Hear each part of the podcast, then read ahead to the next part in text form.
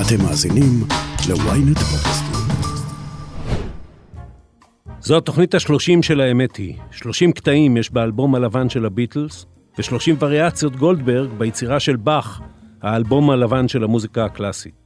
שלושים הוא הגיל המינימלי להיבחר לסנאט האמריקאי, בעבור שלושים מטבעות כסף מכר יהודה איש קריות את ישו. ביום הולדתו השלושים של האזרח יוסף קוף, עצרו אותו מסיבה לא ידועה בספר המשפט של קפקא. אז לפני שיגיעו אלינו השלטונות, בואו נתחיל. האמת היא, עם עופר שלח. בעיני הרבה מאוד ישראלים, סוגיית הבדואים בנגב היא הסכנה הפנימית הגדולה ביותר, מאיימת יותר מכל איום חיצוני. מאות אלפי אנשים שגרים ביישובים לא מוכרים, בתנאי העוני הקשים ביותר בישראל, ומנהלים חיים מקבילים לאלה של רוב האזרחים, חיים שבהם המדינה היא נוכח נפקד. מוחמד אנברי הוא הוכחה חיה ליכולת של אדם מתוך החברה הבדואית ליצור שינוי. בעשור וחצי של כהונה כראש מועצת חורה, הוא הפך את מערכת החינוך של היישוב למצטיינת, ואת השלטון המקומי לסמל של אחריות ויכולת לפעול. היום הוא פועל כדי להפוך את המודל של חורה לבסיס לשינוי מעמיק בסוגיה הבדואית, שכל כך הרבה כסף ומילים כבר נשפכו עליה, ושינוי של ממש עוד אין.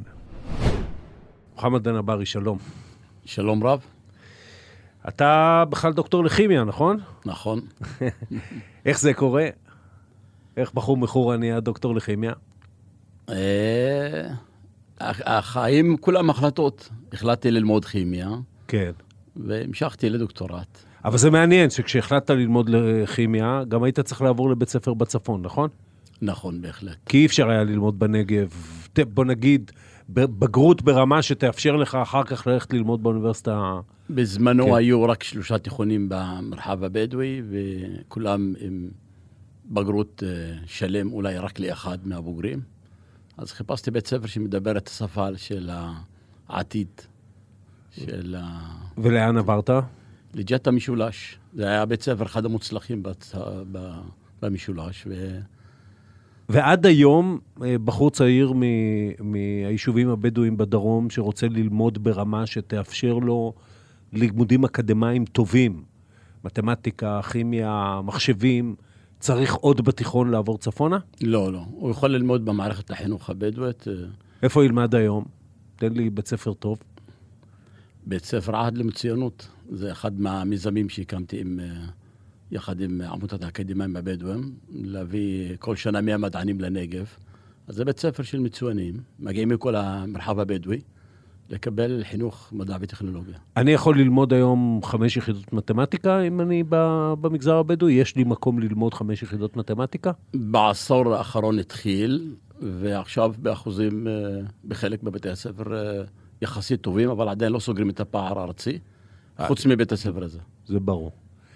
אוקיי, ואתה ב-2005 מחליט לרוץ לראשות מועצת חורה, כשיש לך, אתה עובד עבודה טובה בחברה פרטית, ככימאי, אה, יש לך בטח עתיד כלכלי אה, בוודאי הרבה יותר טוב מזה שבאת ממנו. למה אתה מחליט לרוץ בחורה? א', זה ב-2004, כן. וההחלטה אה, הייתה לעשות שינוי. לא ברמה, אני בחיים לא התעסקתי בפוליטיקה ולא חשבתי שאני אשרת ברמה הציבורית. הייתי באינקובטור של, אה, של אקדמיה, אחר כך תעשייה.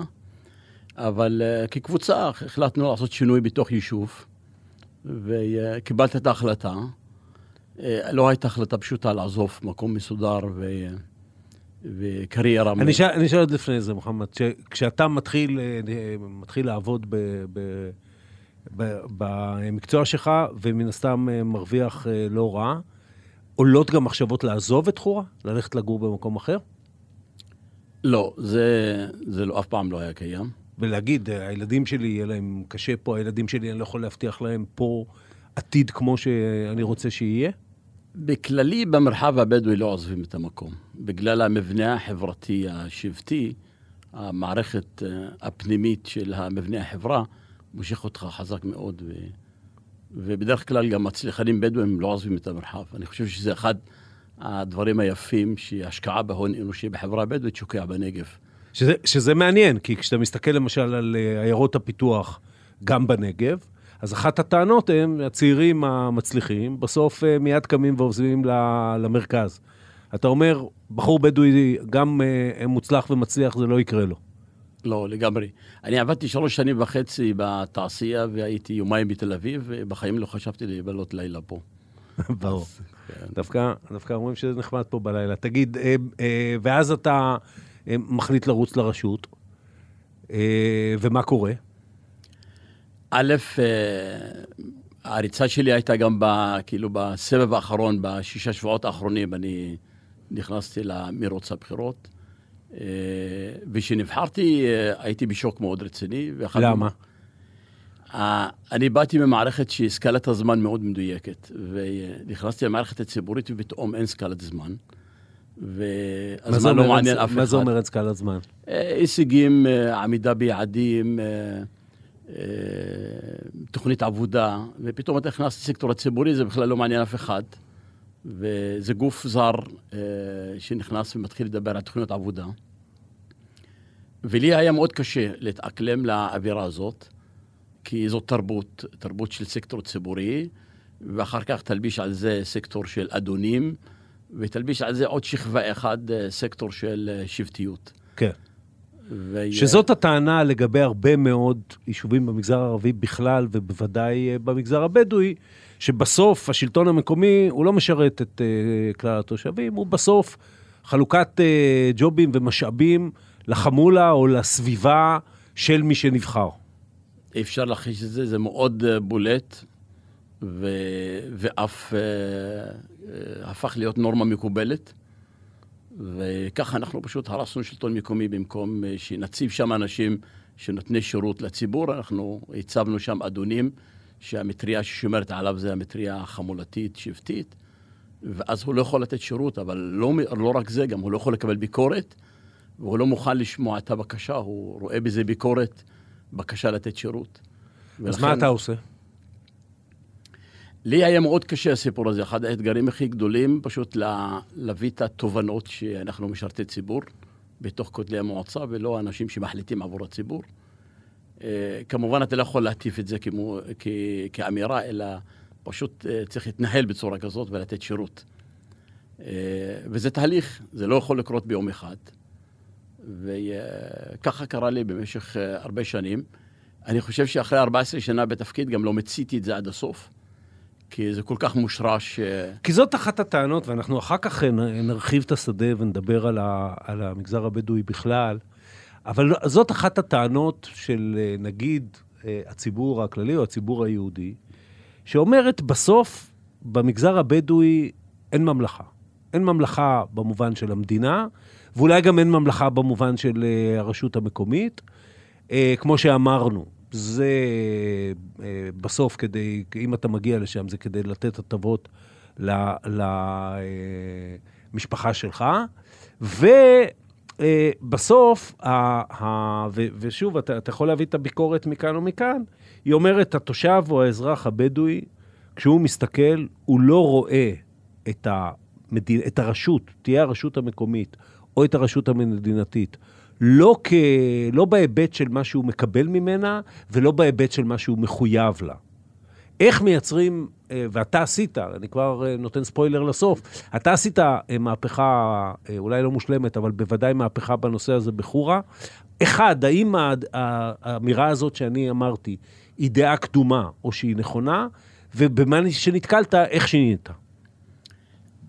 אחד הדברים, אני יכול לדבר גם ברמת המרחב הבדואי, השייכות היא לשבט ולא למרחב הפיזי. ואז uh, אתה רואה שיש זיקה חזקה מאוד בתוך השבטים ש... שהם היישוב. ו- ולכן גם התייחסות לישות החדשה בתרבות הבדואית, שנקראת uh, רשות מקומית, היא מקום שצריך uh, לתפוס בו עמדות כוח מצד אחד, לנצל אותו, ולא כמרחב ציבורי שהוא שותף, משותף לכולם, אלא מרחב ציבורי שיש לו זיקה להשתלטות של פרטיים אה, על המרחב הציבורי. הדוגמה היא הר- הרבה יותר רחבה, נגיד השלטון המקומי בחברה הבדואית הוא יחסית חדש, אבל היה, סמלי השלטון היו במערכות חינוך, ואז בני השכם ובני השבטים הגדולים הם אלה שניהלו את מערכת החינוך בגלל ה... שהשבט אה, אה, נתקל בשלטון חדש, שנוגד את השלטון השבטי, וה... אני חושב שהתנועה הטבעית אה, לנסות לתפוס עמדות כוח. כן. ועמדות כוח היה מתבטא בזה של להיות מנהל בית ספר או להיות מנהל איזושהי מערכת ציבורית. אבל לאט לאט זה זחל בכדי להשתלט על המרחב הציבורי כבעלות פרטית, ועל הדרך עיוות את המובן של אה, שבטיות. שבטיות זה מרחב חברתי שיש בו ערבות הדדית כמעט אינסופית, מאוד יפה, ומשרת את הכלל. בשבט, בתרבות שלנו אין עבריין, אבל אין עני. ופתאום השבט כולו מתגייס לתת אה, אה, הטבה מיוחדת לאחד, ואז הכלל מתגייס למטרת הפרט. אבל זה השבט. וכשאתה אומר, אני חורה פתאום, ואני לא רק שבט נברי לצורך העניין, אני אה, אה, חורה, אז פתאום זה כולל גם אנשים שהם לא מהשבט. ייתכן שאני באתי מזירה קצת, אה, קצת מוזרה. אה, עשיתי שני דברים לפני הבחירות. כן. אחד, לא התחייבתי לאף אחד על אף תפקיד, ואמרו, זה לא אמיתי, ואחר כך אמרו, כן אמיתי. והדבר השני, אני לא הסכמתי להצבעת אה, נשים בשיטה הבדואית. להביא את התעודת זהות ואחת מצביעה עבור כולם. והלכתי למנהל הבחירות ואחר כך למנהל... אה, לקצין שהיה אחראי על הבחירות, ואמרתי, אני רוצה הצבעת אמת לנשים. ולמזלי היה בחירות רק לשלטון המקומי הבדואי, והיה מספיק שוטרות בארץ, ואז הוא הלך, אה, גייס שוטרות, והייתה הצבעת אמת. אני חושב שצעדים אה, מנהיגותיים, הם יכולים גם להכתיב קצב בהמשך. לא יכולתי להטיף את המוסר הזה בהמשך, אילו לא הייתי עושה אותו בהתחלה. שאני לא הייתי צריך אותו. אילו לא קיימת אותו בעצמך עליך. אגב, היריבים מול כמה אנשים רצת ב... ארבעה. ארבעה. כמעט, כמעט קיבלתי הסכום של כולם. אני אגב גרתי רשמית בחורה שנתיים לפני שנבחרתי. כן. הייתי בפריפריה של חורה ועברתי לגור בחורה בצורה רשמית ב-2002. עכשיו, אחד הדברים שאתה אה, התפרסם בהם, אה, התפרסמת בהם, אחד הראשונים, זה היה מהפך הארנונה. כן? אה, חורה עברה מאחוזים ספורים של תשלום ארנונה לשיעורים כמו שהם מקובלים במגזר הכללי. איך עושים את זה? האמת, בהתחלה אנחנו, אני חשבתי שיש בשלטון המקומי פלטפורמה. אני רק הסתכלתי בספרי המועצה, ראיתי 2% משלמי מיסים ו-4% מים. ו... וראיתי את השפה הממשלתית, הם פשוט מאוד מבקשים ממני לקחת אחריות. אז כל מי שלא רצה לעזור לי, הוא תמיד שאל אותי על אחוז הארנונה. זאת אומרת, כשאתה באת למשרד ממשלתי ואמרת, אני מבקש ככה או רוצה ככה וככה, אמרו לך, מה אתה מדבר? אתה, אתם אצלכם לא משלמים ארנונה. על הדרך, שואל אותך, מה אחוז הגבייה? וידעתי שזה אירוע רציני, כי אם אתה לא מושך אחריות פנימה, פשוט מאוד גם לא תמצא שותפים, אה, בעיקר בממשל. וחשבתי שיש פלטפורמה. אז אה, אמרו לי, חברת גבייה, גייסתי חברת גבייה, אה, ועבדה בחור השנה ושלושה חודשים. והקפצתי את הארנונה פי ארבע, אבל נשארתי חד ספרתי. איך? לא, זה, לא, זה קפץ, אבל נשאר שמונה, כי אני עברתי משתיים לשמונה. אוקיי. Uh, וזה הפך לאירוע קהילתי, משכנו את זה אחורה. כן. והיינו קבוצה שרוצים לעשות שינוי, ואז לקחו באופן עצמאי גם אחריות על הגבייה, וכל הזמן העלינו את האחוז בשיח מול הקהילה, כאשר אין חברת גבייה, והעלינו את רמת השירות בתוך היישוב. כשבעצם, זאת אומרת, בעצם מה שאתה אומר לאנשים זה תראו מה זה עושה בשבילכם. זאת אומרת, אתה, אתה מראה להם ממש ב, ב, ב, בעין את התועלת שיש להם עם לשלם מס. זה יותר תהליך בניית אמון בינך לבין הקהילה מאשר uh, אכיפה. אני אגיד לך שבהתחלה עשינו את הגבייה, הגענו, הקפצנו את זה עד. שהגענו ל-50 אחוז, התחיל דיון ציבורי שלמה אני משלם עבור השירות שאתה מקבל? כי כששני אחוז, שני אחוז פריירים שילמו, אז המסה הקריטית היא נהנית. כן. אבל כשזה 50-50, זה הפך לשיח ציבורי. הדבר המדהים שאנחנו עלינו לאחוזים גבוהים, אה, פתאום יש שייכות יישובית. ואנשים אומרים, אני מחורב ולא משבט איקס. למה? כי הוא שילם. למרות שהוא מקבל הנחה וה, והתשלום הוא לא תשלום גדול, כי אה, אין ארנונות עסקים ודברים כאלה, אבל עצם העובדה ליצור תרבות תשלום, שבשנה הראשונה שהגענו ל-80 ו-5% גבייה, היה 125 מבצעי אה, אכיפה. וכשיצאתי מהמועצה, אה, היה 89 בשנת הבחירות אה, גבייה ו-96 עסקים, היו ארבעה מבצעי אכיפה. זאת אומרת, נוצרה תרבות תשלום, והיינו מסתכלים על כל רבעון כמה אנשים מגיעים לשלם ארנונה, וברבעון הראשון, שהוא הדומם בדרך כלל, היה מגיעים לכמעט רבע ממשלמי המיסים בתוך היישוב. אני ב-2015 קיבלתי את, ה, אה, את האמון לא בתוך הקהילה בלבד, אלא בתוך הממסד, ואגף, ומשרד האוצר פטר אותי ממענקים מותנים כמועצה מתמידה על אחוז גבייה גבוה. זה, עכשיו, זה באמת הצד השני של המטבע. האם באמת כל אלה שאמרו לך קודם, תראה, אצלכם אה, לא גובים, אז מה אתה בא בבקשות, כשעלה אחוז הגבייה באמת נפתחה היד? זה מקבץ של פעולות אמיתיות, מקצועיות, יזמיות, שהביאו שם לחורה. זה לא רק הגבייה. אנחנו, מערכת החינוך הלכה להיות מערכת מצליחה, קלטה, הפכה להיות יותר אזורית, הייתה עם הישגים. ואז אה, ביטוח... תן לי, ת, ת, תכמת לי את זה, זכאים לבגרות. הדבר הכי פשוט שבחורה במשך אה, שבע שנים אנחנו אה, הפכנו למחזיקי בית הספר הראשון במגזר הבדואי בהישגיו, השני והשלישי. ושנתיים אחרי גם החזקנו בית הספר הכי טוב בדרום. אז זה, זה בא מיכולת מקומית, זה בא מפעולה מקצועית עם חשיבה אסטרטגית יחד עם משרד חינוך ועוד גורמים. אבל בלי, וגם אה, אה, חוסר פוליטיזציה של המערכת. האנשים אה, האמינו ביכולת שלהם, ובדרך כלל כשאתה רוצה לשנות ב ecosystem, יש קושי מאוד גדול, כי יש הרבה מעורבים, הרבה ממדים בפנים, וה ecosystem של מערכת החינוך בחורה דיבר הרבה על כשל, אחר כך דיבר על מצוינות, וב-2013 שני תלמידים שלמדו במערכת חורה קיבלו פרי נובל בפיזיקה. אז המקפיצה הזאת הביאה את השיח למצוינות ושאיפה לגבוה. ואז התחילו לדבר על אה, תעודת בגרות אה, מצוינת, ו, אה, ולשמחתי ב-2018 בישרו לי מתוך האוניברסיטה ש-50 אחוז מסטודנטים של מקצועות הסטם ב-BGU בוגרי מערכת חורה מכל המגזר הבדואי, שאני 6 אחוז מהמגזר הבדואי.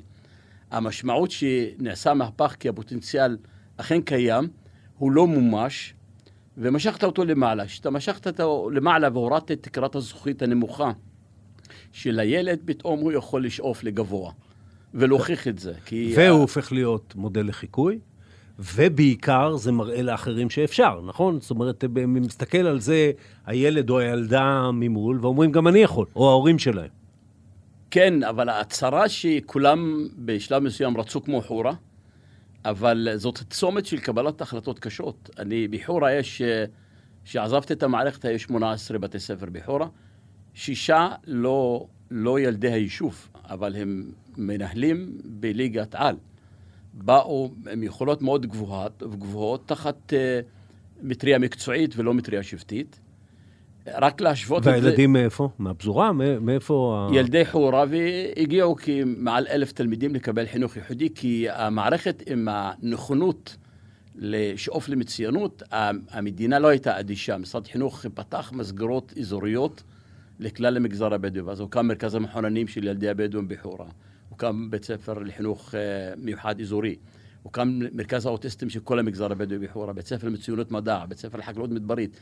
ואלה מסגרות כולן אה, אזוריות, ואז מי שבאמת רצה אקסטרה חינוך, אז הוא הגיע לחורה, כי יש ייחודיות מצרכים מיוחדים עד למחוננים. היי, hey, כאן עטילה שומפלבי. אני רוצה להזמין אתכם לפודקאסט היומי של ynet, הכותרת. מדי בוקר, יחד עם כתבי ynet וידיעות אחרונות, ובסיועם של מומחים מן הארץ ומן העולם, נבחן כותרת מרכזית אחת ונעמיק בה, כדי להבין. מחכה לכם בכל אפליקציות הפודקאסטים וגם בוויינט. עכשיו, בבתי הספר האלה, אה, אה, מיוחדים או רגילים במרכאות, התכנים נקבעו על ידי מי? המדינה. המדינה. המדינה, כן. המדינה זאת אה, אמירה יותר כללית. כן, אז זהו, אני מנסה לעשות את זה פרטי. מערכת החינוך היא מאוד פלקסיבילית, למרות שהיא כאילו קשיחה נראית מבחוץ. כן. אף אחד לא יגיד לך איך לחנך. הם רוצים שתחנך. ואף אחד לא אומר לך בדיוק מה שיטות הלימוד. אני לא מדבר על שיטות הלימוד, חמד, אני מדבר על תכנים במובן הזה שאצלנו, במגזר הכללי, יש הרבה מאוד דיבור על לימודי ליבה. עכשיו, ההקשר הצר שמדברים על זה, שרוצים, שלמשל בציבור החרדי, ילמדו מתמטיקה וילמדו אנגלית, אני מדבר על ליבה במובן הרחב של מה שעושה אותנו ישראלים, אותך ואותי, עם כל השוני בינינו, את הילד מחורה והילד אה, מתל אביב. מי קבע את תכני הליבה האלה, נקרא להם הישראליים לצורך העניין, וכל מילה פה היא כמובן טעונה. אתה אומר ישראלית, מדינה יהודית דמוקרטית, גם נגיע לזה אחר כך. אבל אני אומר, מי קבע את, ה, את התוכן של הלימוד בחורה? משרד החינוך. משרד החינוך. יש הגדרה מאוד ברורה. אנחנו, מש... אנחנו כן. חלק מהחינוך הממלכתי בארץ. כן. בחינוך ממלכתי יש לו תוכנית uh, סדורה. יש בה הרבה בחירות, אבל אף אחד לא קובע את התוכנית בעצמו. זה לא בית ספר דמוקרטי או בית ספר ערבי שקובע את התכנים שלו. כי אחת הטענות הן שבוגרי מערכת החינוך במגזר הבדואי, למשל, לא מדברים עברית מספיק טובה. והם לא מדברים עברית מספיק טובה, אתה יכול לראות את זה באיזה מובן אה, לאומי, אבל אני אומר אפילו כדי אחר כך ללמוד לימודי המשך, או להיכנס למעגל העבודה במדינת ישראל, אה, איך דואגים לזה? אני אספר לך סיפור אישי. כן. אני למדתי ט' וי' בבית ספר תיכון כסייפה. כן. והמורה שלי בעברית היה יהודי מערד. וכשעברתי לצפון, הייתי בכל המקצועות מפגר חוץ מהעברית. כי אני למדתי את העברית בעברית, ולא למדתי את העברית בערבית. כמו שהיהודים בבתי ספר לומדים עברית, לומדים ערבית בעברית, אז התוצאה בהתאם. ופה, אני לא חושב ש... שבלי מהפך רציני, שדוברי השפה ילמדו את השפה, אה, לא נוכל לרכוש את השפה בצורה אמיתית.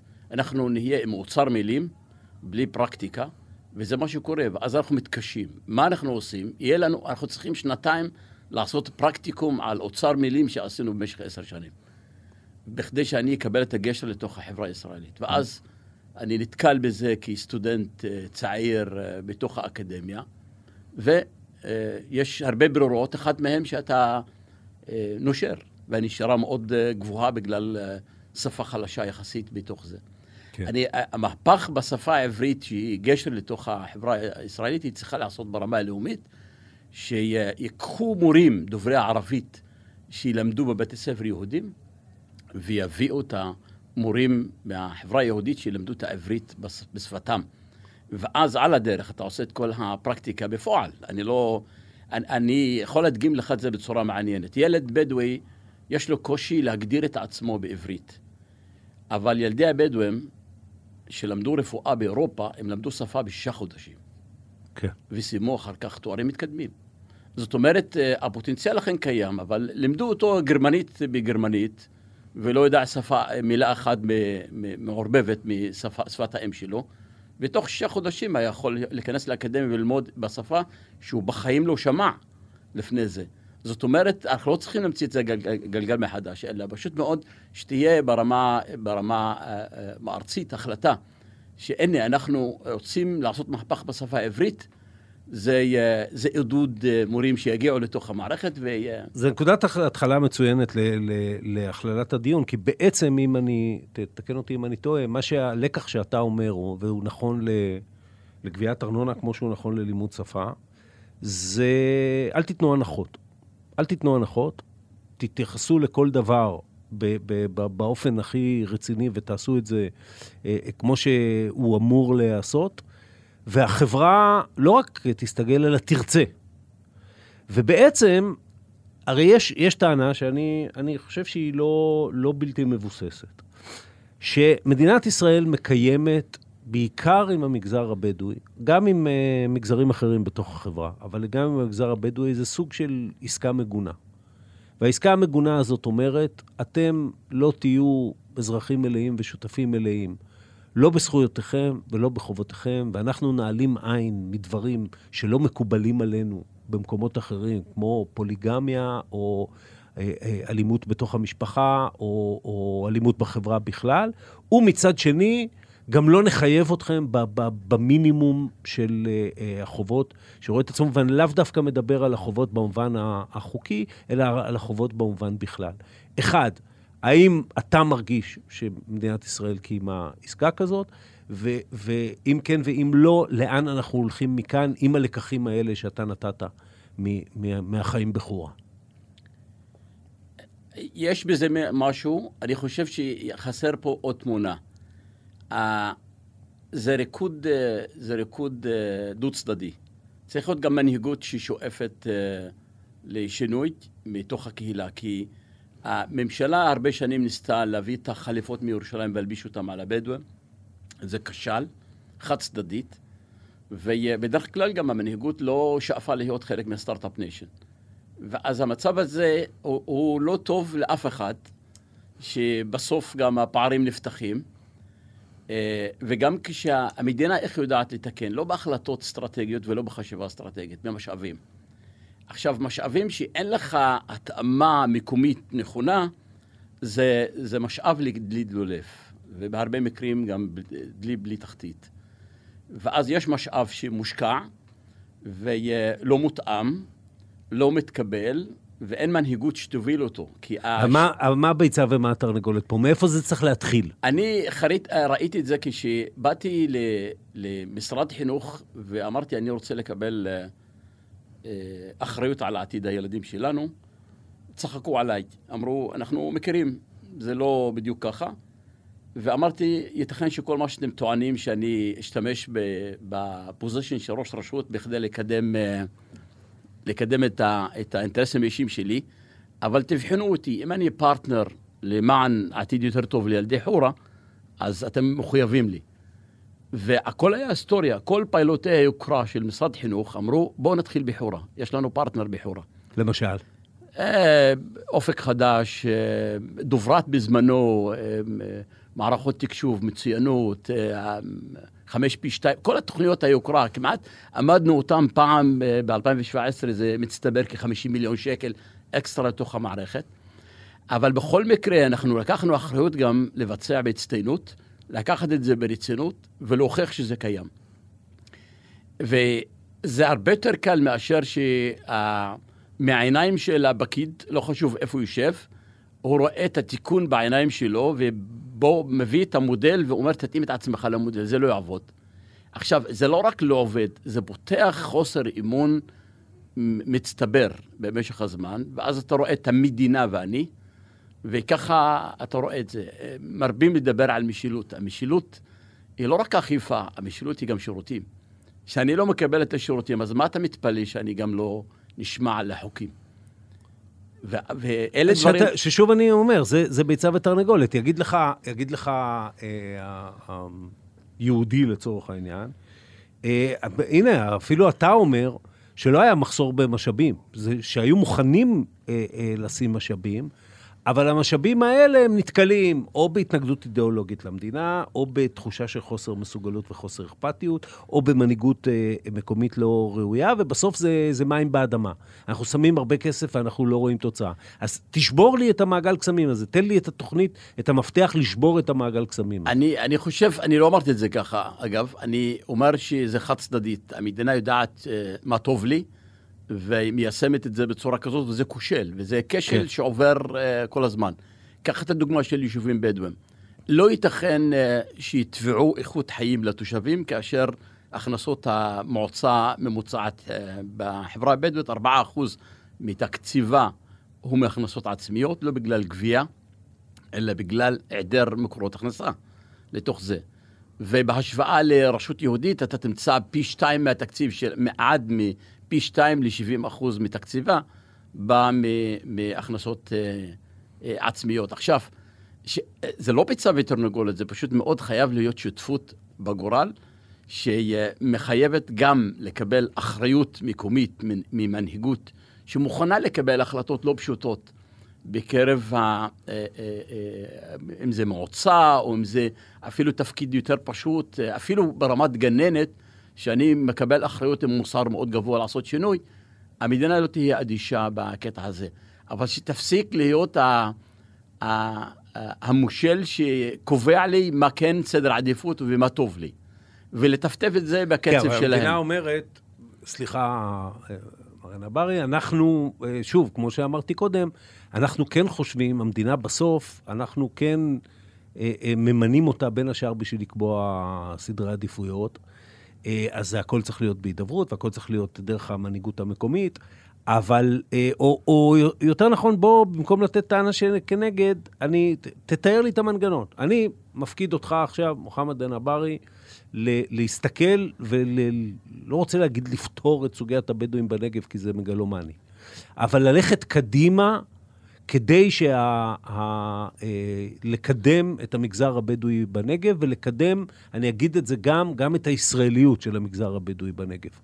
יאללה. אני אגיד לך משהו אה, אה, קצת מ- מהמדע, בסדר? אוקיי. אה, שהמציאו את המושג של מספרים מורכבים. אה, זה לפתור שורש מינוס אחד, מהמם. וזה לא דבר מובן מאליו, והפתרון הוא מאוד מורכב, להמציא כל מיני הנחות מאוד מעניינות, אבל על הדרך, בגלל שהבעיה מורכבת, הפתרון בהחלט מורכב, אבל המוצר עצום. ואז על הדרך פתרו מאות של בעיות פיזיקליות שלא היה להם פתרון. אני אומר שהאתגר הבדואי הוא מאוד מורכב. הפתרון הוא לא פשוט, הוא מאוד מורכב. יש כשל במנהיגות, יש כשל במנהיגות הלאומית שהחשיבה לא אסטרטגית בעניין הבדואי, ויש המון אתגרים, ויש חוסר אמון בין שני הצדדים. ואין צעדים רציניים בוני אמון משני הצדדים. ואז אתה רואה שתי מערכות, מדברות שתי שפות מנוגדות. אחד אומר, המדינה דפקה אותנו, גזענות ואפליה ואין תקציבים. זה רבד אחד. ומצד שני, אתה הולך לממשל, אומר לך, אין לנו עם מי לעבוד. לא מקבלים אחריות, הרבה שבטיות, ושני הצדדים צודקים. כולם מבוססי נתונים, חלקם משני, משני הצדדים, והתוצאה שאנחנו נש- נשארים בשתי שכבות נפרדות, בלי להצליח ליצור גלגלי שיניים למנועי צמיחה בתוך המרחב הבדואי. עכשיו, ההפסד הוא כפול. הפסד ברמה הלאומית, שיש פה מסה קריטית שיושבת בנגב, מושכת את הנגב למטה. יותר מ-30% מתושבי הנגב בדואים. לא מפוזרים בנגב, הם ב-96% גרים ברהט מערב, דימונה ערד מזרח. זה מרחב שאתה חוצה אותו בחצי שעה. ופה זו החלטה ברמה יותר אה, אסטרטגית. הקבוצה הזאת היא יכולה להיות מנוע הצמיחה של הנגב. וזה מחייב הרבה צעדי בוני, בוני אמון בין שני הצדדים. שאני מוכן לקבל אחריות על העתיד שלי, ואחריות רצינית ומקצועית ובעלת אה, אה, אה, אה, מוטיבציה גבוהה לעשות את השינוי, ומצד שני, המדינה מסתכלת עליי כפוטנציאל ולא כבעיה. ואז אני יכול לעשות באמת מהפך מאוד רציני. אנחנו בחלקת העולם הקטנה בחורה, הוכחנו שאפשר לעשות את הריקוד הזה בצורה אה, שבונה אמון.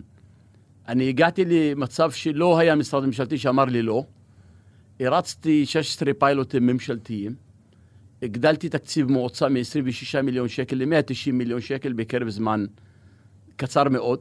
הייתי חמש שנים עם אחוז הגידול הכי גבוה ב- בין המועצות בתקציב שלו. לא הבאתי את הכסף מדובאי. הכסף היה כסף ממשלתי. אבל אה, אה, אה, הורדתי את הפקציה שנקרא תקצוב, העליתי את הפוטנציאל שנקרא רמת ביצוע גבוהה, ופתאום כולם רוצים לעבוד איתך. עכשיו, זה מודל קטן, ואפשר להרחיב אותו לכלל המרחב, אבל זה מחייב נכונות משני הצדדים. ו- וצעדים בוני אמון, זה מחזיר אותך עוד פעם לביצה התרנגולת. כן. כי ייתכן שהמדינה תגידו, הנה, אני עכשיו אה, מורידה לשטח אה, אה, אה, תוכנית חומש בחמש אה, מיליארד שקל. הכסף אה, בתוכנית הקודמת לא נוצל ברובו, כן. והנה אין לנו מנהיגות, ואפשר כל הזמן לקטר, אבל בינתיים אני מתקדם להיות חצי מהמרחב, כקבוצה שמחזיקה באחוזי עוני. עוני זה נוסחה לא של הבדואים, נוסחה של כל העולם, היא מביאה איתה תסכול, אה, מפלס עושר נמוך, אלימות. זאת אומרת, ו- למשל, ב, ב, אפילו ב, בפרקטיקה, אתה היית מחליף את הרשות להסדרת הבדואים בנגיד ועד אזורי של ראשי היישובים, במה היית מחליף אותה שהוא מנהיגות מקומית לצורך העניין? אני לא, לא הייתי מסתכל על זה בצורה כזאת, אלא פותר את הבעיות במדינת ישראל יש עדיין מחנות פליטים, אנשים עם זכות יסוד אה, לא קיימת, אין לו יכולת אה, לקבל זכות יסוד קורת גג. אה, מאה אלף בדואים אין להם חשמל, הקימו את מערכת הסולארית הכי גדולה במדינת ישראל. חלקם אין להם מים, אין כבישים, אין שבילים, ועדיין המדינה מדברת על החירות של הבדואי. כי המדינה ש- אומרת, וקודם כל זה מביא אותנו לסוגיה שהיא אולי הכי נפיצה, אני לא יודע אם היא הכי חשובה, אבל היא הכי נפיצה, וזה כמובן סוגיית הקרקעות. כי המדינה אומרת, מה זאת אומרת אין לו חשמל? אין לו חשמל מפני שהוא בנה את הבית שלו במקום שלא על פי חוק לבנות את הבית שלו שם, ואני לא נותנת אה, לשום מקום, בשום מקום ב- במדינה, לאדם שבנה את הבית שלו איפה שהוא לא יכול לבנות אותו, אני לא נותנת לו חשמל ותשתיות. אבל בוא, אה, אי אפשר להגיד את זה אה, ככה בלי להסתכל על האירוע ההיסטורי, בסדר? אוקיי. בשנת 65 נחקק חוק תכנון ובנייה. ואז התחילו בתכנון תמ"ות למיניהם ותמ"מים למיניהם, תוכניות מתאר ארציות, מחוזיות. באף תוכנית לא סומן הבדואי. ואז בשנות ה-70 כבר לא היו עיתונים, אה, בדואים קוראים עיתונים, אף אחד לא התנגד לתוכניות. שאושרו כל התוכניות, הבדואי היה הפך לבלתי חוקי. עכשיו, הבדואי לא הגיע מאיזשהו מקום, אה, הוא היה שם, לפני קום המדינה. פתאום המדינה התעלמה, הפכה אותו לאזרח שקוף בתוך המרחב, ונוצר מושג שנקרא כפרים לא מוכרים. כן. לא באשמת הבדואי שהמדינה הלכה ותכננה מעליו חורשה, או תכננה מעליו יישוב, בלי להתייחס להימצאותו, כאשר לא יגידו לא ידענו. מחציתם הבדואי, המדינה פינתה אותם ביוזמה ממקום למקום. זאת אומרת, הוא מסומן במפה. ואז נשארו 20 שנים עם הוויכוחים האלה, עד שהתחילו להכיר ביישובים טלאי על טלאי. תחילה תל שבע רהט, גל שני, בעיניים של המדינה, האינטרס של המדינה היה להעביר שדה נבטים אחרי הסכם השלום עם מצרים אה, לבחירה. פינו את האנשים ואז הקימו והקימו את רמת בקע, הקימו את שגב שלום וערערה וכסייפה. כן. האינטרס הוא, נכון הוא אינטרס לאומי, אבל בלי לראות את האזרח הפשוט. ולאט לאט האוכלוסייה הזאת מתרבה, היא צריכה, עדיין היא צריכה זכות יסוד. אף אחד לא נותן לה אה, זכות יסוד, והקימו את תל שבע כמודל שכבר חתך את כל הסיכוי שזה יצליח. הם הקימו לבדואים דירות עמידר 60 מטר למשפחות 18 נפשות. אז מי מוכן לגור בתוך זה? זה, זה המודל הראשוני.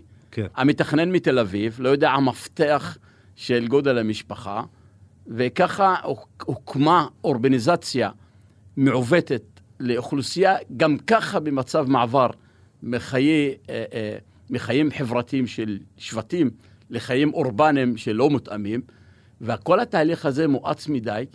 וזה אז- זה, זה בר תיקון? אני חושב שזה בר תיקון. א', אין לנו ברירה אלא לתקן את זה. בסדר? כן. בואו נתחיל בזה ברמה. אי אפשר להשאיר את זה ככה, כפי שהוא, כי זה, זה מצב בלתי סביר, ו, וצריך לפטר. אבל צריך לשמוע את הקול של האנשים. המדינה הקימה מעל 130 יישובים יהודים בנגב. והאנשים המקומיים לא היו במפה של המדינה. אני חושב שמדינה מתוקנת הייתה גם מתייחסת לבדואי כחלק מהנכס בנגב, ולא מטרד בנגב. כשמתייחסים אליי כמטרד, אז תחושת הניכור היא בלט אין ביחסים. ברור. ואז, ואז צריך, ולכן אני אומר שההחלטה היא החלטה אסטרטגית, לא החלטה. היום נשאר שליש מהבדואים בלי פתרון.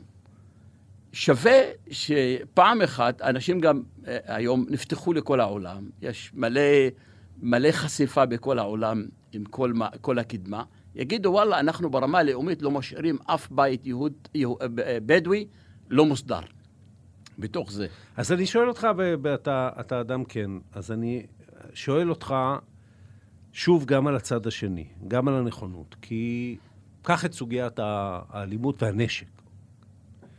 אה, אה, לכאורה, אתה אומר, ו- ודווקא נתת את הדוגמה, נתת דוגמה מאוד טובה עם, ה- עם הארנונה, בסוף הצורך לאסוף נשק, או להקטין את כמות הנשק הבלתי חוקי, הצורך לחנך, ל- ל- לא לפתור בעיות באלימות ולא להתמודד עם דברים באלימות, הוא קודם כל צורך של החברה הבדואית. הרי בסופו של דבר, אני מניח שהנפגעים העיקריים מזה, זה בתוך החברה הבדואית עצמה.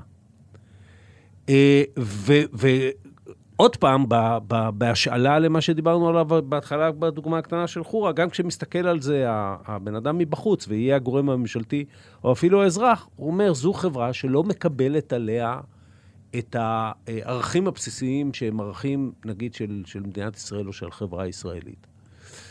אה, אה, האם, האם הראייה הזאת היא, היא מעוותת, או שהיא משקפת איזה דבר אמיתי? א', יש פה שני דברים אה, שונים. אחד, נשק הוא לא הגורם הראשי לאלימות, הוא כלי לאלימות. אז כל... כן, אבל הוא מאוד מאוד מקל להביא אותה לידי ביטוי. יש מדינות שאזרחיהם מח- מחזיקים בצורה חופשית נשקים, והאלימות לא גבוהה, בסדר? אז הנשק הוא עוד כלי לסיפור הזה, אחד. הדבר השני, גם בחברה הבדואית, חלק מהאלימות היא, יש לה, יש לה אופי מיוחד, אלימות שבטית. שאלימות שבטית זה רק אצלנו שני ילדים מתקוטטים בבית הספר, שני שבטים מתקוטטים. כן. אז יש ייחודיות לזה בתוך, בתוך ואתה הסיפור. מצפה אבל תמיד, ממני לקבל את הייחודיות הזאת? לא, אבל תמיד יש לנו שני צדדים. זה לא, זה לא כמו שאני רואה במשולש ובגליל, שם מדובר על אלימות של פשע. אתה לא יודע את הצד כן. בוודאות. פה אתה יודע תמיד שזה שני שבטים שמתקוטטים ויש, ויש רצח בסופו של יום. כשאתה מסתכל על הנתון הכללי, אנחנו לא גוף זר מאלימות כללית בתוך זה. אולי בשנים האחרונות יש עלייה, כן. אבל בגלל הייחודיות של סוג האלימות, נגיד אה, סחר בסמים, זה ייחודיות של הבדואים, אבל בפועל הטייקונים יושבים במרכז הארץ. אנחנו השרתים נמצאים בדרום, גם מגדלים, גם מבריחים וגם... הייחודיות שהבדואים שירתו בזירה הזאת, היא נתנה בליטה מאוד ייחודית על הסוג של האלימות. אבל זה לא אומר, אה, זה לא אומר שזה 40 אחוז מהבדואים... בסדר, אבל זה, ב- שוב, זה, זה מתוך, זה בראייה מ- מן הבדואים והחוצה. עכשיו אני מסתכל גם מן הבדואים ופנימה. בסוף כן. אלימות, סמים, אה, אה, פשע, אלה דברים שבראש ובראשונה מעכבים את החברה הבדואית ופוגעים בה.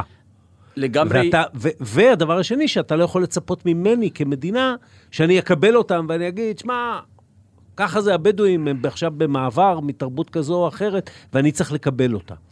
זה מקבץ של גורמים, זה לא גורם אחד, בסדר? כן. אני, כשאמרתי אה, אה, עוני, אה, זה לא נוסחה של הבדואים, איפשהו הוא מביא אלימות איתו. וכשאתה מדבר על אוכלוסייה, מעל 60% מהם שמתחת לקו העוני, אז אל תצפה מהם שהם יהיו סביון של מדינת ישראל. כן. זה אחד, אבל זה לא הגור, הגורם היחידי בתוך כל הנוסחה הזאת. אני לא חושב שמשפחה אה, באיכות חיים גבוהה, שני מפרנסים וקורת גג ואיכות חיים אה, מעל הממוצע בכלל החברה הישראלית, היא, נמנית עם מה שאנחנו מדברים. ולכן, וכל היישובים הבדואים נמצאים בסוציו-אקונומי אחד, אין יותר, אין, אין מתחת לאחד היו גם נמנים אחרים, אז, ורק הם היחידים ועוד שני יישובים אה, חרדים, אז לא פלא שהדברים האלה הם לאט לאט ילכו ויפריעו לחיים שלנו.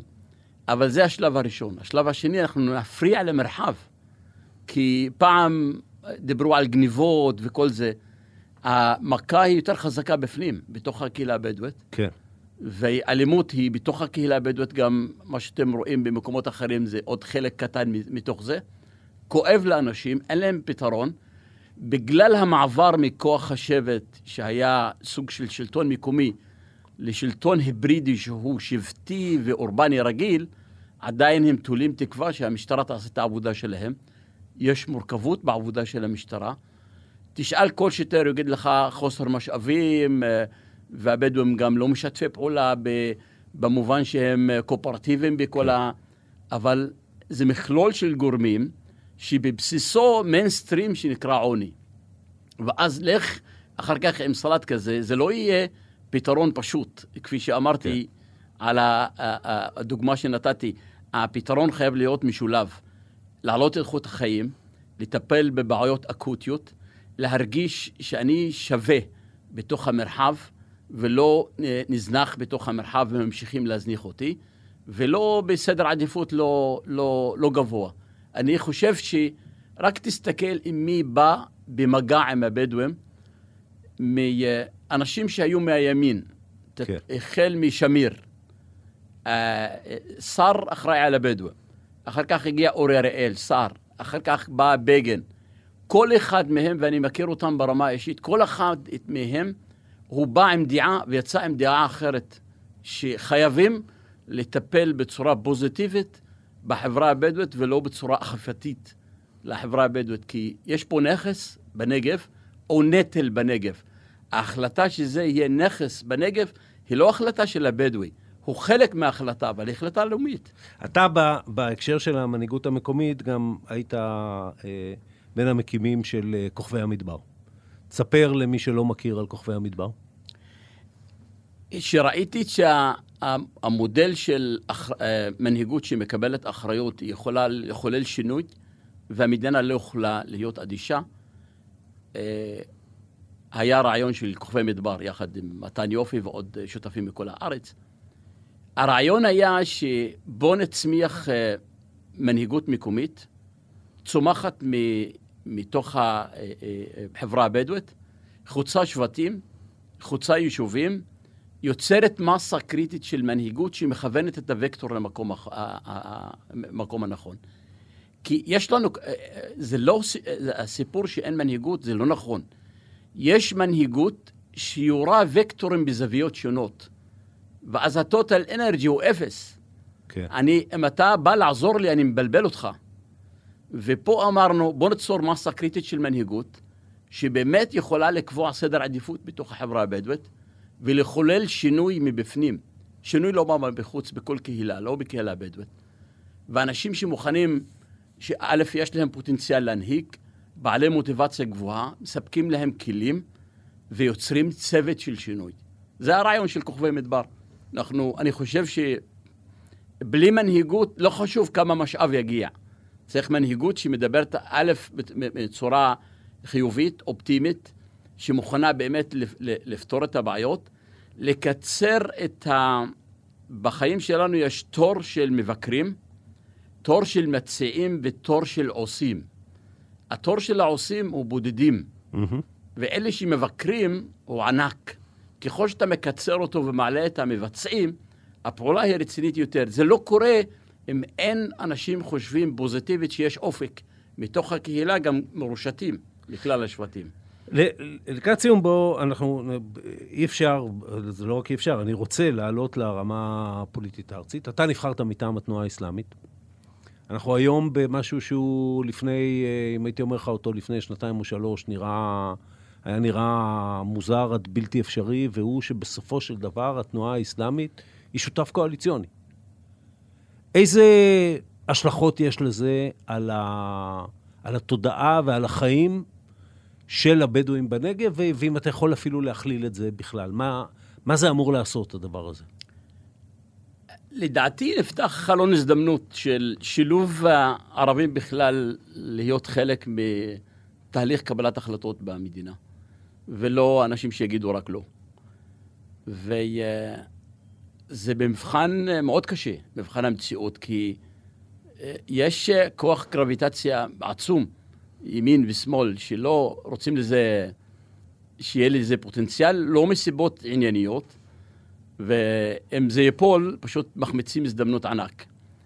ואם זה יצליח, אני חושב שזה ישליך על כל... מה זה, מה זה, תן לי קריטריונים של הצלחה ב, ב, בעניין. הרי זה לא תשומות, זה לא כמה ישקיעו ב, במגזר הערבי, שזה כמובן האמצעי, אבל מה, מה יהיה הקריטריון להצלחה? לדעתי, שמנהיג פוליטי ברמה הארצית יהיה לגיטימי, שיקבל החלטות בתחומים, בתחומי חיים, לא רק על החברה הערבית, בכלל בחברה הישראלית. זה לא להיות סקטוריאלי, שה... שתהיה מפלגה שמדברת רק על הרצון של החברה הערבית, כמובן שזה חייב להיות בסדר עדיפות גבוה, אבל לא להנציח את השבטיות הישראלית עד אה, אינסוף. שפה יש סוג של מלכוד, ואני אומר לך את זה כמי שאני מכיר את... אה, היו לי שיחות עם מנסור עבאס עוד הרבה לפני שהוא אה, נהיה שותף לגיטימי בקואליציה. והתחושה שלי, מנסור הוא באמת, הוא איש יוצא דופן, ומה שהוא עשה זה יוצא דופן. אבל התחושה שלי, וכמובן שגם מי שעשה אותו לגיטימי בכלל, זה בנימין נתניהו מטעמים אחרים לגמרי, שהרי, ואני מכיר את זה על בשרי, אלמלא בנימין נתניהו, מנסור עבאס גם לא היה שותף לגיטימי של נפתלי בנט ויאיר לפיד. אה, אה, אבל שבאיזשהו מקום, זה לא במקרה מנסור עבאס, ולא רק בגלל האיש באופן אישי, אלא מפני שהתנועה האסלאמית, בתפיסה שלה, פחות מאתגרת את התפיסה הישראלית הכללית של מי אנחנו, מה זה המקום הזה שנקרא ישראל, מאשר נגיד אנשים כמו איימן עודה. שבאים ואומרים, כן, אני, אני מבין שזאת אה, ישראל, שזאת מדינה אה, מנסור אמר, מדינה תישאר אה, מדינה יהודית, אבל אני, יש לי דיון על האופי שלה. ושהרבה יותר נוח לקיים את זה במישור הפרקטי, שבו בן אדם אומר, תעזוב את הדבר הזה, מאה אחוז, הבנתי. זהו, כשמנסור אומר זו מדינה יהודית, הוא אומר, בואו נשאיר את הדבר הזה בצד, לא מתכוון להתווכח איתו, כי אני את לא האסלאמית, אני בכלל לא במקום הזה. עכשיו בואו נראה מה אתה נותן במשאבים, מה אתה נותן בהישגים, מה אתה נותן בשותפות. אתה, אתה מתחבר למה שאני אומר? אני, אני חושב שא', אה, מה שמאפיין את מנסור, ואני צופה בצעדיו, אה, הוא מדבר שפה אחת, גם פנימה, בתוך הקהילה שלו, וגם החוצה. ואני חושב שזאת שפה פרקטית שיכולה לבוא לאותו מקום טוב. זה לא, אני לא, הוא לא מנסה להסתיר שום דבר מהכוונות שלו. לא, לא, חס וחלילה, אבל הוא לא מקש... מאתגר את הישראליות. כן, ו- כן. וזה מקשה עליו פנימה. כן. כי מה פתאום, זה מוסכמות אה, שאתה איך אתה, איך אתה מזעזע את המוסכמות האלה? והוא אומר, אני פרקטי. ואני חושב שהקו הזה אה, מקבל כבר אהדה אה, יחסית בתוך החברה בכלל. אה, זה משנה בתודעה ה- היהודית כלפי אזרחים, אזרחי, אזרחים ערבים במדינת ישראל, ואם הקו הזה להבדלה ימשיך בפוליטיקה שאני רק יכול להיות מחוץ למסגרת העשייה, זה לא יוביל אותנו למקום, כל הזמן יהיה מתח מובנה בתוך, ה, בתוך השלטון המרכזי, וניתנה פה הזדמנות לבן אדם שיש סיכוי שהדברים אה, יחוללו שינוי ברמה, בכלל ברמה ארצית, ויש סיכוי שיפילו את זה עוד לפני שנולד התוצר הראשון, ב, ב, ואני מקווה שכן, זה ילך ויתחזק בתוך החברה הישראלית. אני חושב שלגיטימציה של מנסור בקרב החברה הישראלית היא כבר קיימת. בוודאי. אבל, אבל הוא צריך לעשות את... וכשאני מדבר, אני מדבר על כולם. אבל היא צריכה הוכחה. ו, ומושקעים הרבה משאבים ל, לעצור את זה. ואני חושב שאתה מבין שזה, אני לא, אני לא איש פוליטי, אבל זה כבר מורגש על כל ראיון שאתה רואה, אה, כמה זה מסוכן אה, שזה יצליח. אה, ו...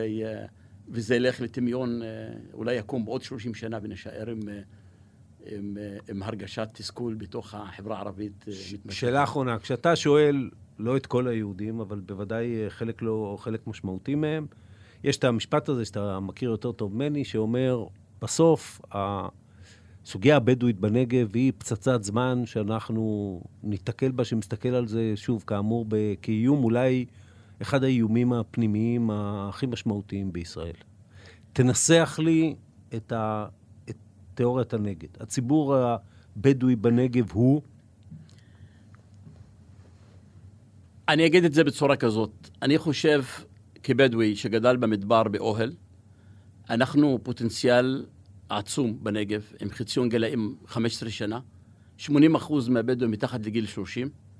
זאת מסה קריטית אם נשקיע בה בעשור הבא נעצב עתיד יותר טוב לנגב.